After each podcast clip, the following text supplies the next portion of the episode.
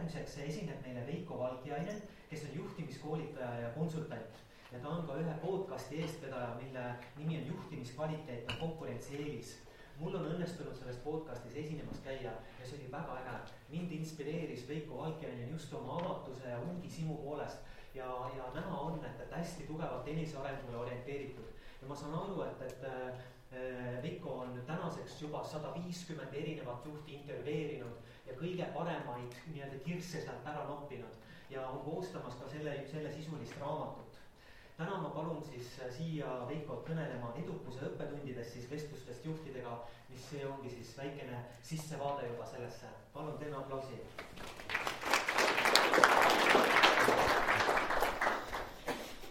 nii, on kosta? ise ei saa aru, ei, on vist küll. Äh, kõigepealt tahan öelda, et mul on õudselt hea meel täna siin olla ja, ja suured tänud Eesti Koolitus- ja Konverentsikeskusele, kes mind kutsus esinema. et äh, nagu äh, tõesti Rain äh, kenasti mind sisse juhatas äh,, minu selline läbiv teema, mida ma siis kõikides oma tegevustes olen püüdnud edasi arendada, on, on äh, üks märksõna, see on siis juhtimiskvaliteet et ükskõik, et kas ma siis olen koolitajas rollis või olen ma coach'i rollis või olen ma podcaster või kirjutan ma raamatut äh, või teen konverentsi, et äh, üks teema, mis nagu kõiki minu tegevusi läbib, et, et see on see juhtimiskvaliteet. ja täna ka ma loodan, et ma süstin mingisuguse pisiku teisse, võib-olla mingisugune teema jääb teile kuhugi naha alla, hakkab seal vaikselt niimoodi elama oma elu ja mine tea, kuhu see välja viib, on ju. ja selle teema ma sain endale nagu kuidagimoodi ähm, äh, külge läbi selle, kui ma, mul nagu karjäär tegelikult on olnud kakskümmend aastat personalivaldkonnas. ja, ja ma olen teinud tööd hästi palju juhtidega, nagu juhtide arendamisega ja ma nägin lihtsalt ise oma silmaga, missugune vahe on äh, ühe juhi äh, või teise juhi sellises mõjus äh, mitte ainult oma meeskonnale, mitte ainult tulemustele, vaid ka klientidele ja üldse laiemalt kogu nii-öelda tema meeskonna eraelule ka äh, ja ühiskonnale, et, et tegelikkuses see, see mõju ulatus, mis ühel või teisel juhil äh, oma tegevusest on, see on, see on väga suur.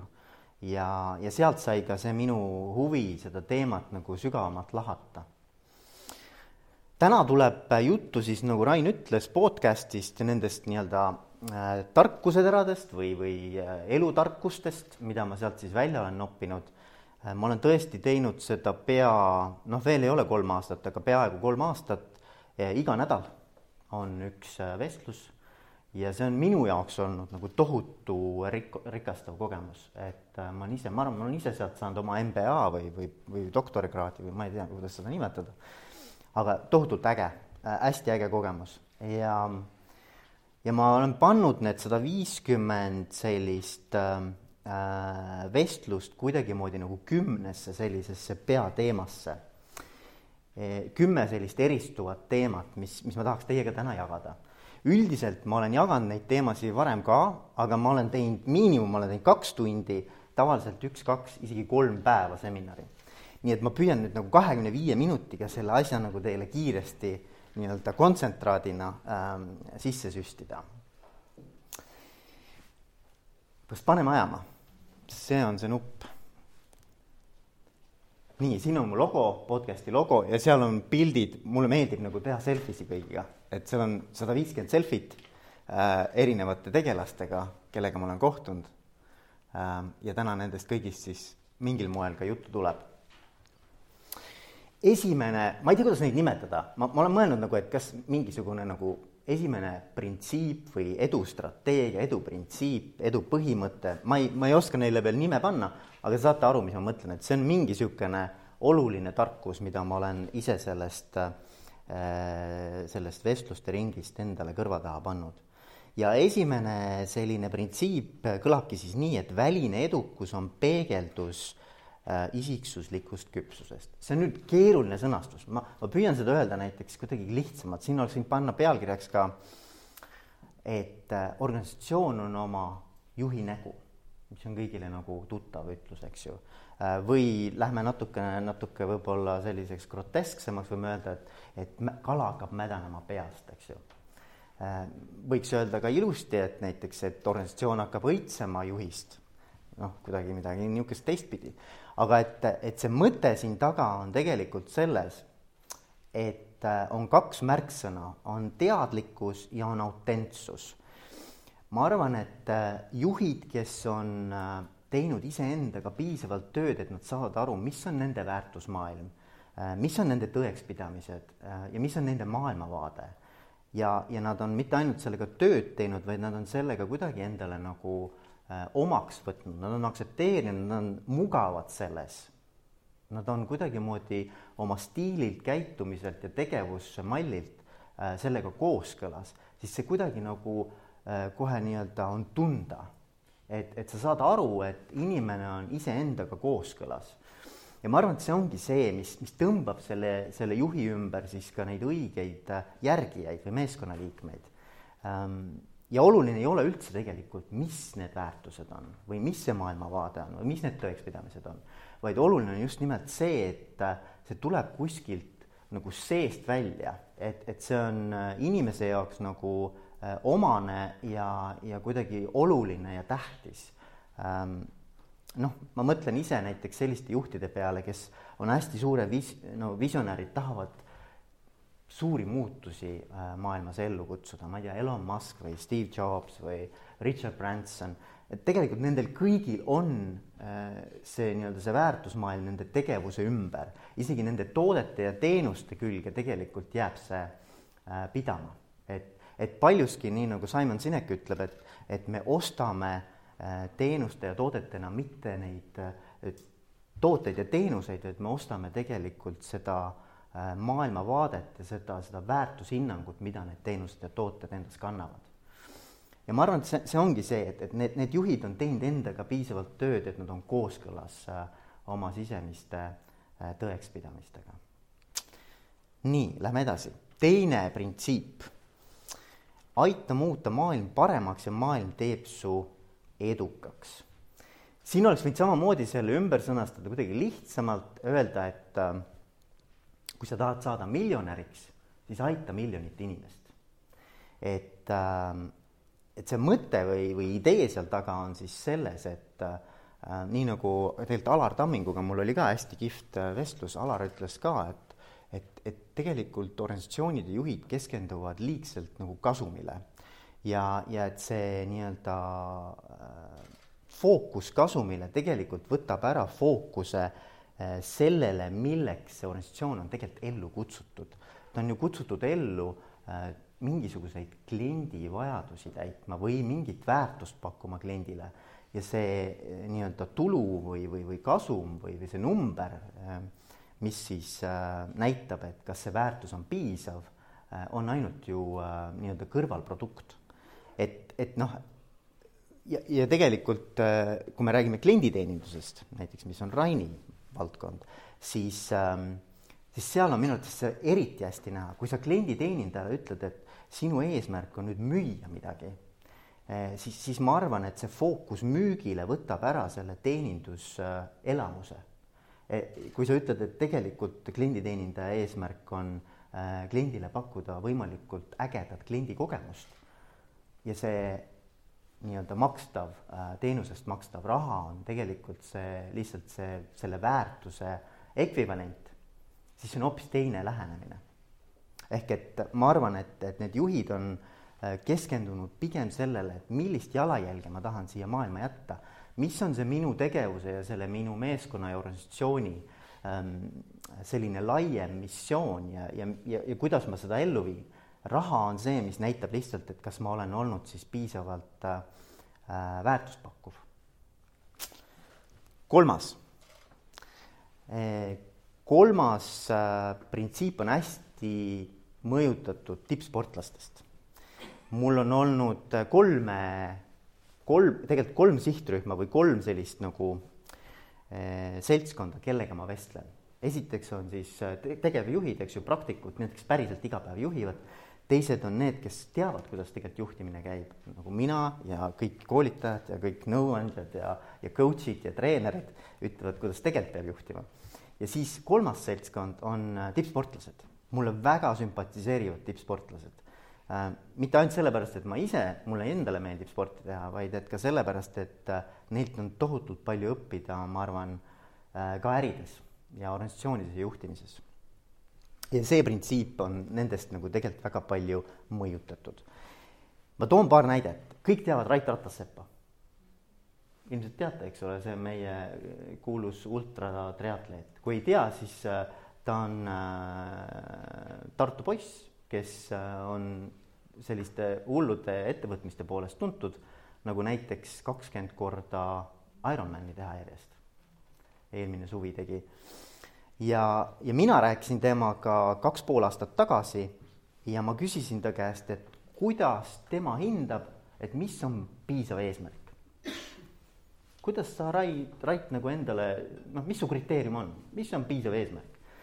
ja see oli minu arvates nagu jube hea, mida ta nagu ütles, ta ütles seda, et tema jaoks piisav eesmärk on see, kui see on nagu nii kõrge, et ta ei suuda seda alguses endale nagu, ta ei usu sellesse alguses et ta peab seda seedima tükk aega ja, ja et ta peab nagu sammhaaval nägema, et ta on võimeline mingeid tükke sellest eesmärgist ära tegema ja siis see usk kasvab sellesse. aga et ta tahab, et see oleks nagu, et see ei oleks käeulatuses, aga et see oleks silmapiiril. ehk et ta ei saa olla ka nii kõrge, et see on täiesti nagu ähm, out of reach, eks ju ja minu arvates sellest on nagu väga-väga palju õppida ka ärides, äh, et, et kuidas me eesmärke seame, kui ambitsioonikad me tahame olla. Äh, teine näide sportlasest on Ott Kiivikas, mul oli temaga ka väga äge vestlus. tema rääkis mulle sellise loo, et äh, oli aeg, kui ta veel üldse tegelikult kehakultuuriga ja sellise kulturismiga ei tegelenud, aga talle väga meeldisid musklid vennad ja tal oli Vene ajal oli niisugune suur poster seina peal, mingisugune kulturist oma suurte musklitega, eks ole, ja mis ta tegi, ta lõikas mingist oma pildist oma pea välja ja pani selle venna näo asemele. ja, ja mis on nagu uskumatu lugu, ma ei usuks seda, kui see päriselt ei oleks olnud, on see, et oli kümne aasta pärast sellesama tüübiga, kes seal postril oli, lava peal ja ta võitis teda et tegelikult on nagu see, see on nagu natukene niisugune nagu muinasjutulaadne äh, lugu, aga, aga näitab, et unistused saavad ellu, kui sa päriselt tahad ja usud äh,. nii et äh, siit teile ka siis ambitsioonikust. neljas printsiip äh,, ainult ellu viidud unistused maksavad. see on nüüd natukene selline, ma ütleks nii, et, et see on minule kõige vähem äh, võib-olla sümpaatne printsiip aga see tuli paljudest vestlustest välja, et sellised äh, suurorganisatsioonide juhid peavad äh, juhi niisuguse edukuse kõige suuremaks kriteeriumiks võimsamaks kriteeriumiks seda, et äh, päriselt saavad need asjad ära tehtud, mis on kokku lepitud. ja, ja noh, näiteks Margus Rink, kes täna on Coop Eesti juht ja ennem on olnud siis Eesti Energia juhatuses ja ka Swedi juhatuses, Swedbanka juhatuses tema ütles mulle, et, et, et juht on edukas siis, kui ta suudab viia organisatsiooni punktist A punkti B ehk et hästi selge niisugune elluviimine, täideviimine, ärategemine. Ehm, samamoodi Ansi Arumeel Omnivast rääkis sellest, et, et juht on edukas siis, kui ta eh, teeb asjad ära, mis muidu jääksid tegemata ehk et, et selline execution on, ma arvan, hea sõna nagu inglise keeles, eesti keeles ma ei oska sellele väga selgelt, noh, ei ole nii head vastet, aga et, et asjade ärategemise võime ja isegi natukene nagu selles võtmes, et muidu need nagu ei saaks tehtud või et, et see, see on nagu kuidagimoodi nagu, nagu üle noh, ütleme sellise tavapärase mugavustsooni. et, et asja, aga asjad saavad nii tehtud, nagu on kokku lepitud. ja minu arvates nagu järgmine printsiip äh, on palju olulisem või, või annab sellele eelmisele õige värvingu. ehk et mitte küsimus ei ole, mida ära teha, vaid küsimus on, et kuidas see ära tehakse. ja, ja ma arvan, et eelmine tegelikult printsiip äh, ei olegi oluline ilma selleta, et oleks väga selge arusaam äh, mis moel saavad asjad ära tehtud. ja, ja see kõlabki siis nii, järgmine printsiip, suhted on tähtsamad kui edu. Seda oleks võinud öelda võib-olla natukene pehmemalt, et suhted on edu eelduseks, aga mulle meeldib isegi öelda niimoodi, et suhted on tähtsamad kui edu. ja, ja, ja, ja mida ma siin nagu mõtlen, ma mõtlen seda, et et kuidas juht nagu päriselt asju ellu viib jätkusuutlikult, ma ei mõtle lühiajaliselt, lühiajaliselt me saame võtta välja mingi kepi, anda korraliku tohlaka ja inimesed teevad, mis on vaja, eks ju.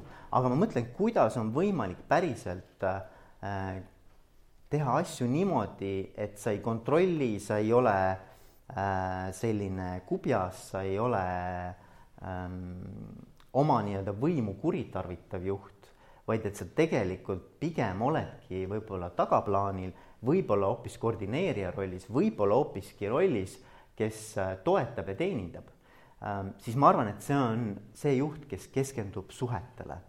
ja võib-olla me ei olegi piisavalt sellele teemale tähelepanu pööranud varem. Kui ma rääkisin Kai Realoga, kes on äh, siis äh, Circle K Eesti juht, Statoili siis endise Statoili juht ja eelmine aasta valiti ka Eesti parimaks juhiks siis tema ütles niimoodi, väga huvitavalt ütles, et äh, kui ta oli noor juht, siis ta arvas, et ta peab lihtsalt olema kõige parem. ma pean lihtsalt olema kõige kompetentsem, kõige ägedam, tegema oma asjad ära ja tulemused ära tooma ja siis ma olen kõige parem. Ja mida aeg edasi, seda rohkem ta sai aru, et tegelikkuses ei piisa sellest.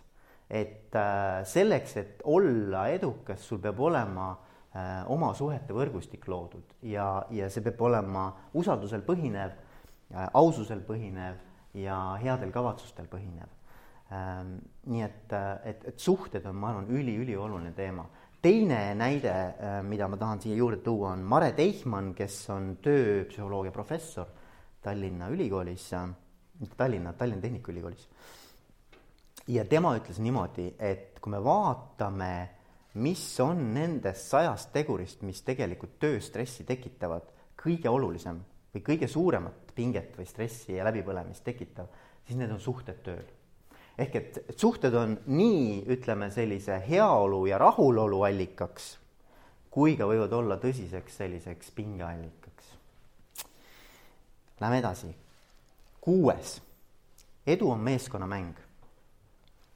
siin ma tahaks tuua välja kolm teemat esimene teema tuleb äh, vestlusest Peeter Tohvriga, kes on täna Krimelte juht. ta on olnud erinevates äh, organisatsioonides tippjuht. Ähm, ja, ja mida ta ütles, oli minu jaoks jällegi nagu silmi avav, oli see, et äh, ta ütles, et tema on oma kõikides meeskondades püüdnud olla kõige rumalam juht. See ei tähenda intellektuaalselt kõige rumalam. see tähendab seda, et kõik need inimesed, kes temal on meeskonnas on oma valdkonnas peajagu üle kui tema. muidu, kui tema tunneb, et ta on mingis valdkonnas oma tiimi liikmest üle, siis ta tunneb, et tal on vale inimene laua taga. et, et minu arvates see oli nagu nii kihvt nagu äh,, nagu tähelepanek, et, et, et see näitab jällegi, et, et A, ütleme niisugused A-tegijad, noh, A on siis nagu suurepärane juht, eks ju, otsivad endale meeskonda A pluss tegijaid ja võib-olla B, B-juhid otsivad nagu B miinus tegijaid, ma pean olema kindlasti nagu noh, ma pean parem olema, ma pean teadma rohkem nendest asjadest, eks ju. mina olen juht, ma, ma pean ikkagi otsustama ja valima. aga et, et noh, mulle, mulle väga meeldis see, see lähenemine, äh, Peetri lähenemine. teine näide, mida ma tahaks tuua, on, äh, kui ma rääkisin Tõnis Arroga, kes on hästi tuntud headhunter, äh, kunagine Fontese ka asutaja tema rääkis sellest, kuidas ta on äh, aru saanud, et äh, kõiki meeskondi liidab tegelikult äh, ühine väärtusmaailm. Ja et, et see, mis peaks olema värbamisel, meeskonna kokkupanemisel, üks ülioluline komponent või, või niisugune nagu tegur on see, et kõikidel meeskonnaliikmetel oleks mingi vundament, niisugune väärtustepõhine vundament sarnane, et muidu see asi lihtsalt ei toimi ja kolmas tähelepanek on äh, huvitav, huvitav, Hardo Pajulaga rääkisin. Hardo Pajula rääkis sellest, äh, kuidas tema naudib äh, erinevates meeskondades inimeste erinevaid rolle ehk meeskonna rolle, et kui sa vaatad nagu, et kuidas meeskonnad kõige edukamalt toimivad, siis väärtused on ühised, kuid nende isiksuslikust sättumusest või sellisest nagu DNA-st tulenev meeskonna roll, on ta siis, ma ei tea, viimistleja, on ta visionäär, on ta kriitik, kes iganes, eks ole. et, et need rollid peavad nagu meeskonnas kaetud olema, et siis see meeskond nagu toimib kõige paremini. et sellised kolm mõtet siin. Ähm, seitsmes äh, printsiip on eduelamuse ootus trumpab üle hirmu ebaedu ees. Äh, siin ma räägiks nüüd sellest, et on minu arvates nagu kahte tüüpi juhtimisstiili või juhtimislähenemist. ma muidugi jälle idealiseerin, eks ju, ma teen mingi mudeli, äh, kindlasti ei ole neid äh, puhtal kujul olemas, on nii ühte kui teist segamini. aga, aga lihtsalt illustreerimiseks mulle meeldib natukene polariseerida. et on juhid, kes keskenduvad peaasjalikult, fokusseerivad sellele, mida saab veel paremini teha et kui sa lähed nende juurde mingisuguse idee, mingi, mingi lahenduse, mingi tulemusega, siis nende põhifookus on see, et mida veel saaks paremini teha, et kust nagu keeraks veel natuke juurde või mida nagu, et noh, nende nagu selline äh, fookus on ikkagi kriitikal, mitte pahatahtlik. See on, see on, kusjuures nad ise mõtlevad, et see on tegelikult ülihea, et ma aitan seda inimest, eks ole. Ja teised juhid, kes tegelikult keskenduvad sellele, et kuule, mis on hästi, et, et, et ma tegelikult keskendun sellele, mida sa oled suurepäraselt teinud ähm,. vaatame sellele otsa ja siis küsime koos, et okei okay,, et mida me järgmine kord võib-olla saaks nagu teha paremini. ja, ja mis on selle tagajärg, on tegelikult see, et need äh, meeskonnad, kus äh, juht pigem keskendub nagu kriitikale ja sellisele ähm, nagu paremini tegemisele. Nad tõmbuvad tegelikult nagu kaitseseisundisse nad ei ole valmis enam tegelikult proovima uusi asju. Äh, nad tahavad minna kindla peale, et jumala eest mitte midagi ei saaks äh, äh, mulle ette heita. ja, ja mis selle tagajärg on see, et tegelikult need tiimid ei perform'i nii hästi, nende tulemuslikkus ei ole nii kõrge kui pigem nendel tiimidel, kus ikkagi vaadatakse pigem nagu positiivset poolt, tunnustatakse, püütakse leida midagi mille üle saab rõõmu tunda ja, ja mis on hästi läinud. et ma arvan, siin on jällegi, et, et, et ja kusjuures mõlemad stiili juhid tahavad head. aga ma arvan, see tulemus on, on erinev. nii äh,. üheksas, edu lõppeesmärk on inimese areng mulle õudselt meeldib see humanistlik lähenemine ja, ja seda ka kannab äh, äh minu arvates väga hästi äh, Aivar Haller, kellega ma rääkisin, ta on äh, ka koolitaja, coach ähm,. ja, ja mida ta nagu ütles, oli see, et äh, mis mulle samuti läks väga korda, oli see, et kui me vaatame äh, ükskõik missugust suurepärast tulemust, mida üks meeskond on saavutanud või organisatsioon on saavutanud või juht on saavutanud, siis oluline ei ole mitte ainult see tulemus, vaid isegi veel olulisem on see, milliseks inimeseks need meeskonnaliikmed on kasvanud läbi selle tulemuse saavutamise. ja inimeseks just nimelt mitte selles mõttes, et oo oh,, et ma olen nüüd nagu mingeid kompetentse juurde saanud või et ma olen nüüd mingeid oskusi omandanud, see on ka oluline.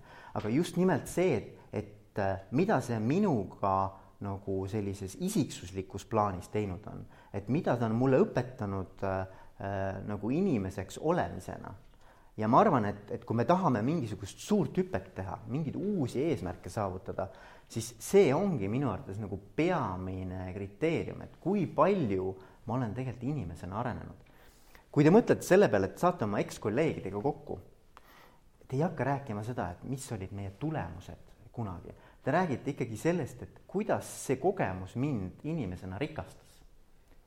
selles tiimis, selles, selle juhi koostöös, mida see on mulle õpetanud nii väärtuste, hoiakute, suhtumise ähm, ma ei tea, maailmavaate poolest, et ma, ma arvan, et see on nagu ülioluline. Äh, ja viimaseks siis äh, selline, selline printsiip, äh, mis kõlab nii. päeva lõpuks tähendab edukas juhtimine oma trooni vabastamist. mitmed juhid, kellega ma olen rääkinud, on pidanud edukuse kriteeriumiks seda, kui nad saavad ühel hetkel oma tiimist lahti lasta nii, et see tiim saab iseseisvalt hakkama.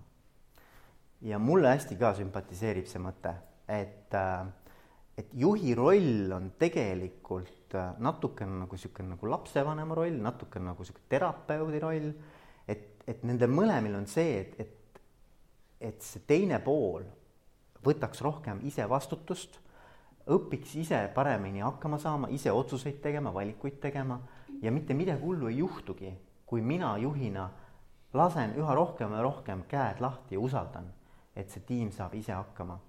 ja loomulikult seal taga on ka see, et keegi siis äh, sellest tiimist ilmselt võtab äh, selle juhi rolli üle, tuleb nii-öelda mantlipärija või, või järeltulija, eks ju. aga et, et, et see mõte, et minu äh, selline elukaar juhina on ikkagi mitte see, et ma olen kümme aastat võid olla, see ei ole halb, ma, ma, ma ei ütle midagi halvasti, aga ma arvan, et, et, et elukaar on see, et sa tegelikult aitad sellel tiimil äh, kasvada järgmisesse arengufaasi, kus keegi teine tiimist võtab sinu rolli üle ja võib-olla kasvatab selle tiimi hoopis uues suunas. Ähm,. ja sina lähed kuhugi mujale ja sa ei pea teise organisatsiooni minema, sa võid samas organisatsioonis mõne teise tiimiga edasi tegutseda või kuhugi mujale minna, aga et, et, et siis hakkab see jällegi nii-öelda seest välja uuesti pihta, see esimene printsiip uue meeskonnaga ja siin rääkis, äh, noh muidugi kerge on rääkida omanikel, eks ole, äh, Jaan Pillesaar rääkis seda äh, ja Jaan Puusaak rääkis sedasama juttu, et, et, et ma arvan, et selles on oma viga, iva. nii, ja, ja ma ei tea, kuidas mul ajaga on, oh, ma olen ülitäpselt. lõpuks ma tahan veel öelda, Raimoga me rääkisime, Raimo Ülaverega me rääkisime, minu kõige esimene podcast oli Raimoga ja ma jätan teid selle mõttega, mis Raimo mulle siis rääkis ja minu arvates see oli hästi niisugune tabav, et, et Eesti juhtidel ei ole vaja mitte tarkust, me võime siin targutada, eks ju, vaid Eesti juhtidel on vaja päriselt tegelikult hoopiski seda, et see asi nagu ära teha, ellu viia.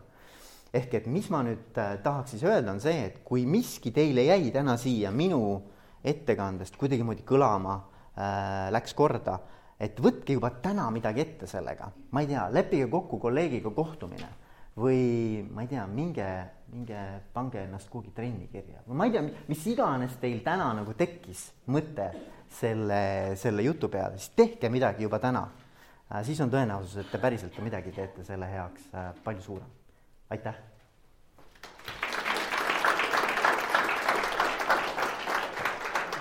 praegu on suurepärane hetk nüüd küsida küsimusi.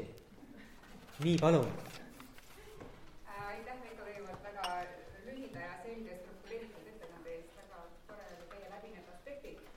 Äh, juttu oli sellest, et sportlased visualiseerivad päris palju oma tegevust, et kui nad eriti enne spordi nii-öelda võistluste perioodi, vähemalt viiendik on selles, et nad täpselt kujutavad ette, kuidas nad oma siis mm -hmm. läbivad.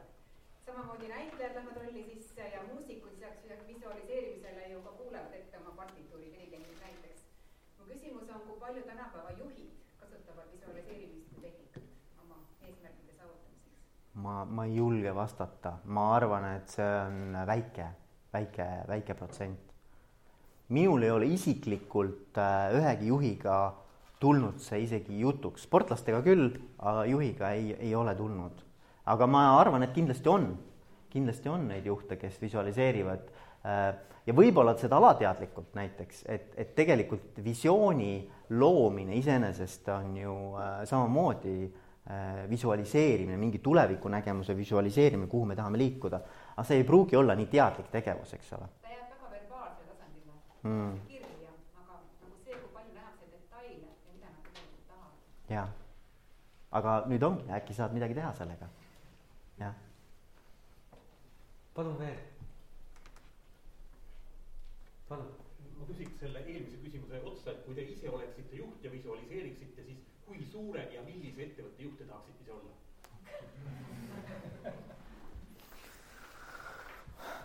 ma ei tea, ma, ma arvan, et see suurus ei oma mingit tähtsust tegelikult, ma, ma arvan, et pigem on küsimus selles, et äh, ma arvan, ma juba teen seda, mida ma tahan teha küsimus on, et kas seda saab veel kuidagimoodi veel suurema mõju ulatusega teha. Ähm, ehk et siis äh, aidata juhtidel äh, oma potentsiaali avada ja olla parim juht, kes nad saavad olla, et see on minu, minu, minu äh, missioon. aga võib-olla sellega ongi siis hea lõpetada või? no meil on tegelikult veel üks on, minut, et äkki keegi tahab okei. ikkagi midagi veel küsida Aa. et kasutame kõik ära ikka, kui sa juba siin kasutame, oled. muidugi kasutame ära. Ja pärast võib ka minuga ühendust võtta, ega, ega tegelikult äh, ma olen täitsa olemas. nii, palun, kuula. jaa, kas seitsmes slaid jäi kogemata või aja tingimustel? Ah, jäi jäi vahele või? see oli mugavustsoon, et edu ootab seal, kus lõpeb mugavustsoon. ai, ai, ai, ai, see oli tõesti nüüd minu viga. olgu, aga ma räägin kiirelt ära selle. see on tegelikult seotud kahe teemaga, ühelt poolt uuendusmeelsuse ja innovatsiooniga ja teiselt poolt loovuse ja kreatiivsusega. Ja seal on mul äh, olnud väga jällegi niisugused inspireerivad vestlused äh,. Linnar Viiki teate, muidugi teate. Linnar Viik äh, on seotud sellise ettevõttega nagu Pocopay ja ta rääkis mulle üliägeda loo, kuidas nemad Pocopay's äh, hindavad ja väärtustavad äh, eksimusi ja vigade tegemist. mitte sellepärast, et neid peab ilmtingimata tegema, aga et kui nad tulevad vaatamata headele kavatsustele, siis me ne õpime neist. ja ta rääkis sellise loo, et iga nädal on neil koosolek, meeskonna koosolek, kus äh, kõigi tiimiliikmete äh, ülesanne on vastata küsimusele, mis oli eelmise nädala kõige suurem läbikukkumine ja mida ma õppisin sellest. ja, ja ma arvan, et siin on nagu ka näide sellest, et kui sa tahad nagu midagi paremini teha, midagi ähm, äh, uuel moel teha, mingit innovatsiooni luua, siis sa pead kuidagi andma selle vabaduse ja võimaluse inimestel katsetada ja eksperimenteerida. ja mulle jättis see nagu selle tunde, et, et selles ettevõttes on okei okay tulla oma igapäevasest rajast välja ja proovida midagi uut, katsetada need mugavustsooni piire laiendada. samas jällegi noh, ma, ma tean ise ettevõtteid, kus eksimus on ikkagi väga ränk, et, et eksida ei tohi, vigu teha ei tohi, eks ole. Ja teine pool on siis kreatiivsuse pool, loovuse pool, et kuidas siis loovust arendada. seal oli mul väga äge vestlus, oli Jaan Aruga, kes on ajuteadlane ta on kirjutanud ka sellise populaarteadusliku raamatu nagu äh, Ajust ja arust ähm,. ja tema rääkis sellest, et äh, juhtidena tuleks igapäeva töökorraldusse või päevaplaanidesse sisse seada selline tema sõna moljutamise aeg äh,. Et ta rääkis sellest, kuidas aju tegelikult toimetab, et kui sul on mingisugune ülesanne, mingisugune äh, teema, mis vajab lahendamist, sa ei tea, mis see lahendus on, parim lahendus ja sa oled selle kallal ja selle sees ja sa oled sellesse nagu kuidagi uppunud, siis need äh, lahendused tavaliselt ei taha nagu tulla. ja mis ta ütles, on see, et huvitav, aju töötab nii, et kui sa tuled sellest keskkonnast välja ja sa lähed, teed täiesti midagi muud, ma ei tea, lähed istud pargipingi peale, lähed trenni äh,, teed mingi jalutuskäigu väljas ja võtad oma mõtted sellelt täiesti ära äh,, siis aju töötab ikka edasi selle teema kallal alateadvuses ja ta saab nagu õhku peale, see on nagu tead, nagu, nagu, nagu selline sisepõlemismootor peab õhku peale saama. ja siis ta lööb sulle selle ahhaa-momendi, ah, et ah, see võiks olla see lahendus. ma ei tea, kas teil on olnud seda kogemust, aga mulle meeldis äh, kunagi väga joosta töölt koju ja see oli see aeg, kus ma tundsin, et nagu mingid asjad lahenevad või mingid, tulevad mingid selguse hetked. et sihuke, sihuke mõte üliäge. ma saan aru, et, et noh, et need ahhaa-momendid tekivad siis, kui sa oled täiesti lõdvestunud. ja sa oled eemal sellest, sa võtad ennast täiesti sellest välja, jah. suur võimalus on, et see võib juhtuda ka tualetis. Jah, kui sa piisavalt pikalt seal oled suur-suur aitäh selle ägeda ettekande eest. aitäh.